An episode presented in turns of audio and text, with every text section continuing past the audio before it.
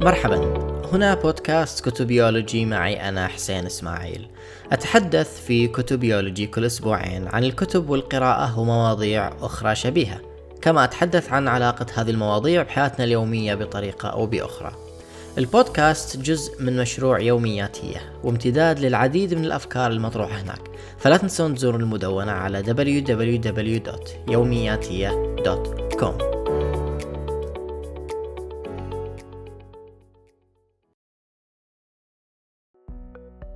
أتكلم في هذه الحلقة عن رواية دميان للروائي الألماني هيرمان هسه. نشرت الرواية للمرة الأولى في عام 1919 ميلادية.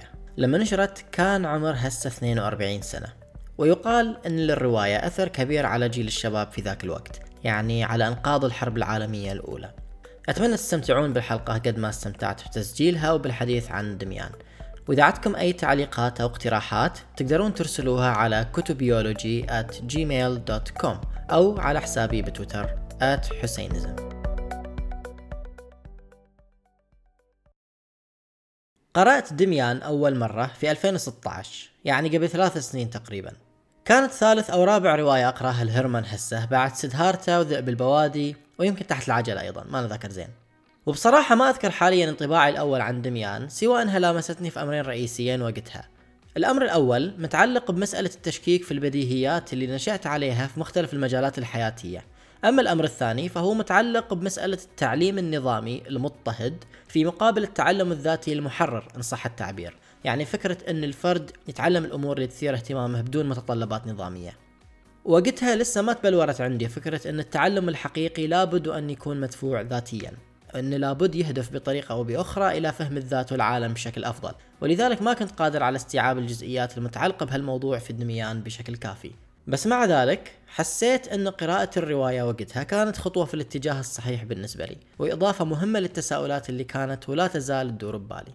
هالمرة قرار قراءتها كان عشوائي شوي وبصراحة ما كنت ناوي أقراها مرة ثانية في هالفترة لولا أني كنت حاب أحضر مناقشة ملتقى قبس عنها. فقلت يلا أقراها عشان أتذكر التفاصيل ومرة واحدة عشان أشوف إيش قد تغير منظوري بين القراءتين. ومن أول صفحة في الرواية بديت ألاحظ أمور ما لاحظتها من قبل. طبعا عادة لما أقرأ أشخبط على الكتاب وأدون أفكاري على الهوامش وكل حاجة. فلو انتبهت لهالأمور في قراءتي الأولى كان شفت بعض الملاحظات أو حتى بعض الخطوط تحت الاقتباسات وما أشبه. ولهذا أنا متأكد إني ما انتبهت إليها. عموما بتطرق لبعض هالأفكار بتفصيل أكبر. ولكن ربما من الضروري في البداية أني أتكلم عن السؤال الرئيسي اللي كان يدور في بالي لما بديت أقرأها مرة ثانية كيف يمكن تصنيف هالرواية؟ أحاول في الغالب تجنب أسئلة التصنيف قبل قراءة الأعمال وهالشي مبني على اعتقاد أن التوغل في القوالب قبل القراءة يحد من أفق القارئ والأبعاد اللي ينتبه إليها في النص بمعنى أن القارئ يكون منحاز لتأكيد أو تفنيد ما إذا كان العمل ممكن فعلا تصنيفه بطريقة معينة لكن كان صعب علي إني أتجنب هالتساؤل بعد ما قرأت العنوان الفرعي للرواية. قصة شباب إيميل سينكلير وأيضا بعد ما قرأت السطور الأولى. لا أستطيع أن أروي قصتي دون العودة طويلا إلى الوراء. ولو أمكن لعدت إلى ما هو أبعد إلى السنوات الأولى لطفولتي وحتى وراءها إلى ماضي الأسلاف البعيد.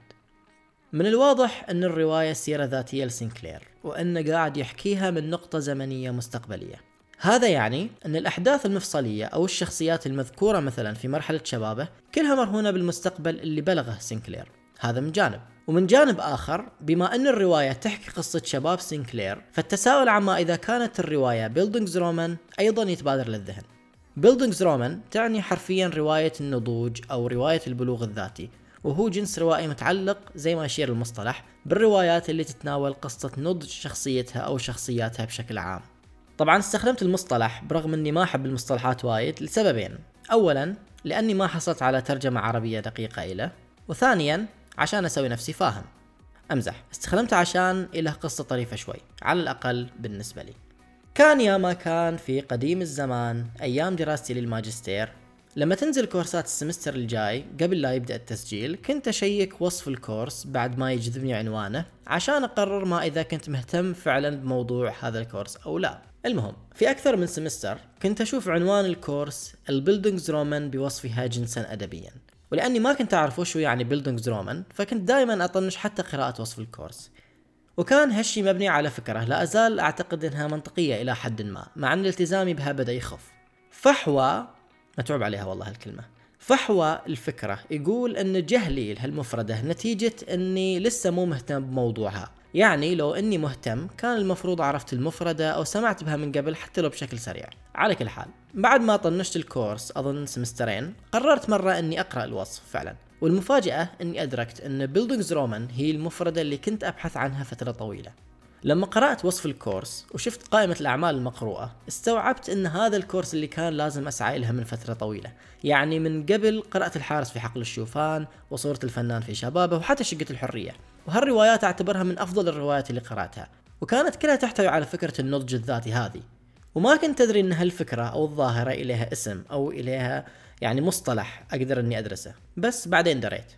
فاللي ما يدري هذه فرصة لتكثيف قراءة الأعمال المصنفة ك Bildungsroman على كل حال استطردت أكثر من اللازم. اللي بأكتفي بقوله عما إذا كانت دميان Bildungsroman أو لا أني أعتقد أنها إيه Bildungsroman لكن النضج اللي فيها ناقص أو غير مكتمل إن صح التعبير. بمعنى أن سينكلير بدأ عملية النضج ولكن تعثر أكثر مما أنه قدر يواصل في طريقه. الشرارة اللي أشعلها دميان في النصف الأول من الرواية ما خلت سينكلير يكمل في الطريق ويصير إنسان مستقل بذاته فعليا. يعني أظن كل قارئ بينتبه لمحاولات سينكلير المستمرة في أنه يبحث عن أحد يستند عليه أو أحد يلتجئ إليه بحيث يتكفل ذاك الشخص بإعطاء سينكلير زبدة الأفكار والمنظومات الأخلاقية عشان يعفي سينكلير من عملية التفكير المضنية والبحث. ففي بداية الرواية مثلا نقدر نقول إن أبوه وأمه كانوا متكفلين بهالدور حتى لو كان سينكلير يقول إن عنده نزعات تمردية وما إلى ذلك. في مرحلة المراهقة المبكرة كان دميان موجود. بعدين صار في بستوريوس وبعدين حتى أم دميان صارت هي الملجأ والمستند. يمكن تمثيل هذه النزعة للبحث عن ملجأ للذات في الرواية كما لو إنها منحنى يأخذ في التصاعد قبل ما ينحدر فجأة وتالي يرجع للتصاعد وينحدر من جديد. فدميان شخصية دميان أعني كان استجابة لمرحلة الانحدار اللي خاضها سينكلير بعد ما كذب وصار أسير نزوات كرومر. وبعد ما أشعلت الشرارة مبدئيا وصار في تصاعد نشوف سينكلير رجع لحضن أمه وأبوه فترة. وبستوريوس هو الآخر كان استجابة لمرحلة الانحدار اللي عاشها سينكلير بعد ما انتقل للمدرسة الخارجية. وحتى أم دميان في نهاية الرواية استجابة إلى حد ما للانحدار الجزئي اللي مر فيه سينكلير بعد تذبذب علاقته ويا بستوريوس. طبعا في تحليلي للرواية أفترض أن دميان شخصية حقيقية مو إنها مجرد خيال لسنكلير أو ما أسماه في الرواية بالدايمون وما إلى ذلك. لا أنا أفترض وجود دميان ووجود أمه وكل الشخصيات المذكورة خارج ذهن السارد. هذا كل اللي يتعلق بالفكرة الأولى. الفكرة الثانية اللي أبغى أتكلم عنها مرتبطة بفكرة النضج لكنها أكبر شوي ولهذا قلت أخليها بوحدها أفضل. عنوان الفصل الأول في الرواية عالمان. ومن البداية نشوف إن سينكلير عطفا على الطريقة اللي تربى عليها يقسم الواقع حوله إلى عالمين منفصلين عالم النور وعالم الظلام. عالم النور نقدر نقول إنه عالم الطبقة المتوسطة المسيحية المحافظة وهذا ما يقتصر على الوضع الاقتصادي بل يشمل المنظومة الأخلاقية أيضا. وهالشي واضح في مقارنات سينكلير بين أختينه وبين لينا اللي تنتمي لعالم الظلام. عالم الظلام في بداية الرواية هو عالم الطبقة العاملة. ومثل ما إن في منظومة أخلاقية معينة لعالم النور فعالم الظلام أيضا فيه منظومة أخلاقية خاصة فيه. على الأقل بعيون سينكلير اللي قاعد يوصف في الوحشية والجرائم والدعارة وحتى في تباين الأدوار الجندرية مقارنة بنظيرها في عالم النور. لكن في الفصل الخامس كجزء من عملية النضج اللي كان سينكلير يمر فيها نبدأ نشوف تجليات اختلال تصوره للعالم. ففي الرسالة اللي وصلته من دميان نشوف فكرة أن الولادة مسبوقة بتدمير عالم. ونشوف أيضا ذكر للإله أبركساس أول ذكر في الرواية. طبعا الرسالة كانت تعقيب أو رد على لوحة رسمها سينكلير وأرسلها لدميان وهذه اللوحة انرسمت أساسا في وقت كان سينكلير يمر فيه بمرحلة تدمير العالم هذه. فنشوف مثلا في نهاية الفصل الرابع أن سينكلير يقول بصراحة أنه كان قاعد يخلق عالم النور الخاص فيه. يعني بدل ما أنه يكون جزء من عالم نور موجود مسبقا فهو في صدد عملية إعادة خلق واعية لعالمي النور والظلام. وهني الدور المحوري لورود اسم أبراكساس. ما عندي خبرة كافية بالأديان ولا أبغى أثرثر عليكم بشيء من ويكيبيديا. وكل اللي أعرف عن أبراكساس منقول من الرواية. فإذا كنت غلطان صححوا لي. عموما من خلال الرواية نشوف أن فكرة أبراكساس تنطوي على وحدة الكون إن صح التعبير.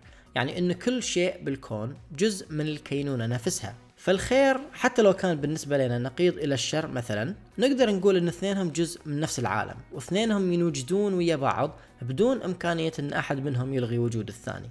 فبالنسبة لتصور سنكلير المسيحي المحافظ عن وجود إله ووجود شيطان بمواصفات وحدود معينة صار أبركساس يمثل الوحدة الجوهرية بين الخير والشر بين الإله والشيطان وما إلى ذلك. سعي سينكلير لإدراك كنه أبراكساس وحواراته المستمرة مع بيستوريوس هي اللي خلت مسائل النور والظلام تتوارى للمشهد الخلفي في النصف الثاني من الرواية. يعني بدل رؤية العالم عبر ثنائيات إما أو تمكن سينكلير من وصول مرحلة من النضج تخليه يشوف الثنائيات في وحدتها أنه يشوفها بانتمائها للعالم نفسه. الفكرة الثالثة والأخيرة متعلقة هي الأخرى بالنضج ومتعلقة أيضا بمسألة إعادة صياغة منظورنا للعالم. يعني زي ما سنكلير مر في مرحلة إعادة صياغة عالمي نور الظلام كانت في إعادة صياغة أخرى ربما ما كانت واضحة بما فيه الكفاية أو أني قاعد أحقق أكثر من اللازم. من بداية الرواية واضح أن قصة قابيل وهابيل محورية يعني غير أنها موضوع الفصل الثاني أصلا نشوف السرد يتعرض لها في الفصول الأخرى بشكل مستمر وغالبا تذكر في سياق تشكيك في الأمور اللي نتلقاها. وهذا واضح مثلا في ردة فعل سنكلير لما سأل أبوه عما إذا كان قابيل على حق. وقام أبوه ينسب التصورات المخالفة للقصة على أنها جزء من مذاهب مسيحية هرطقية سابقة وما إلى ذلك. هذا لما في سنكلير نزعة للاعتقاد بأنه لابد من إعادة التساؤل فيما هو سائد زي ما سوى ويا عالم النور وعالم الظلام. وبالإضافة لذلك نشوف نفس هذه النزعة في نقد الرواية للتعليم وهذا يحضر في موضوعين. واحد منهم في الفصل الخامس لما قيل بما معناه إن إحنا نتكون من كل شيء يتكون منه العالم بحيث ان الطفل الموهوب قادر على إعادة اكتشاف كل الأشياء حتى لو ما حصل على أي تعليم. أما الموضوع الثاني فهو في الفصل الثالث لما كان المدرس يشرح قصة قابيل. هني نشوف سنكلير يفكر بصريح العبارة أن الاحتمالات الأخرى حول القصة ممكنة. يعني كما لو أنه أول مرة يتساءل في وجود خيارات أخرى وأن كلام المدرس ما هو فوق النقد. لكن الموضوع من وجهة نظري يتجاوز التشكيك الأولي أو البسيط. ممكن نقول أن التشكيك في البديهيات اللي نعرفها هي المرحلة الأولى من رحلة فهم الذات. يعني نبدأ نتساءل عن الاحتمالات الأخرى والبدائل لتصوراتنا عن العالم ولكن هذه مجرد خطوة أولى. إذا كانت نتيجة التشكيك في البديهيات استبدالها بقوالب أخرى فهذا يعني أن إحنا لسه في المرحلة الأولى مرحلة الاستقبال. المرحلة الثانية وهي اللي بدأ سنكلير فيها بدون ما تكتمل ولهذا أظن أن الرواية رواية نضج ناقصة هي مرحلة التساؤل عن المفاهيم بحد ذاتها. مو يعني إن الواحد بس يتساءل عن تعريف مفهوم معين ولا إن يعيد صياغته في منظوره الخاص. لا بل يعني إن الواحد يكون قادر على تمييز البعدين الفردي والجمعي في كل شيء حوله. أي انه يكون قادر على رؤية نفسه على إنها مزيج مما هو ذاتي وما هو جمعي. هالفكرة تعرض لها سينكلير في المقدمة اللي تسبق الفصل الأول لما قال لكن كل إنسان أكثر مما هو بنفسه إنه أيضا يمثل النقطة الفريدة. النقطة الخاصة جدا والهامة دائما والمتميزة التي تتشابك عندها ظواهر العالم.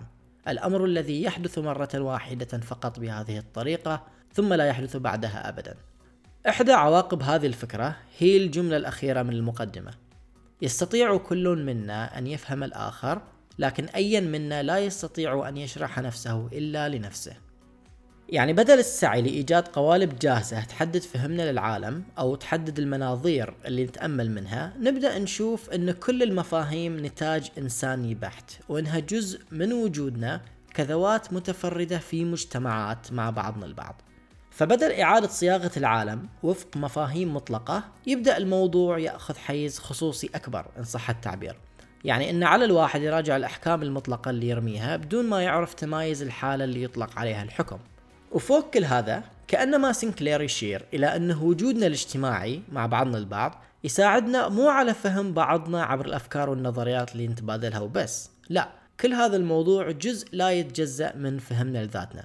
طبعا هالفكرة لسه ما هي متبلورة عندي بالشكل الكافي من خلال قراءة الدميان ولهذا بأكتفي بهذا القدر عنها. هذه كانت قراءة سريعة لرواية دميان للروائي هيرمان هسة. أتمنى تكونوا استمتعتون بالحلقة.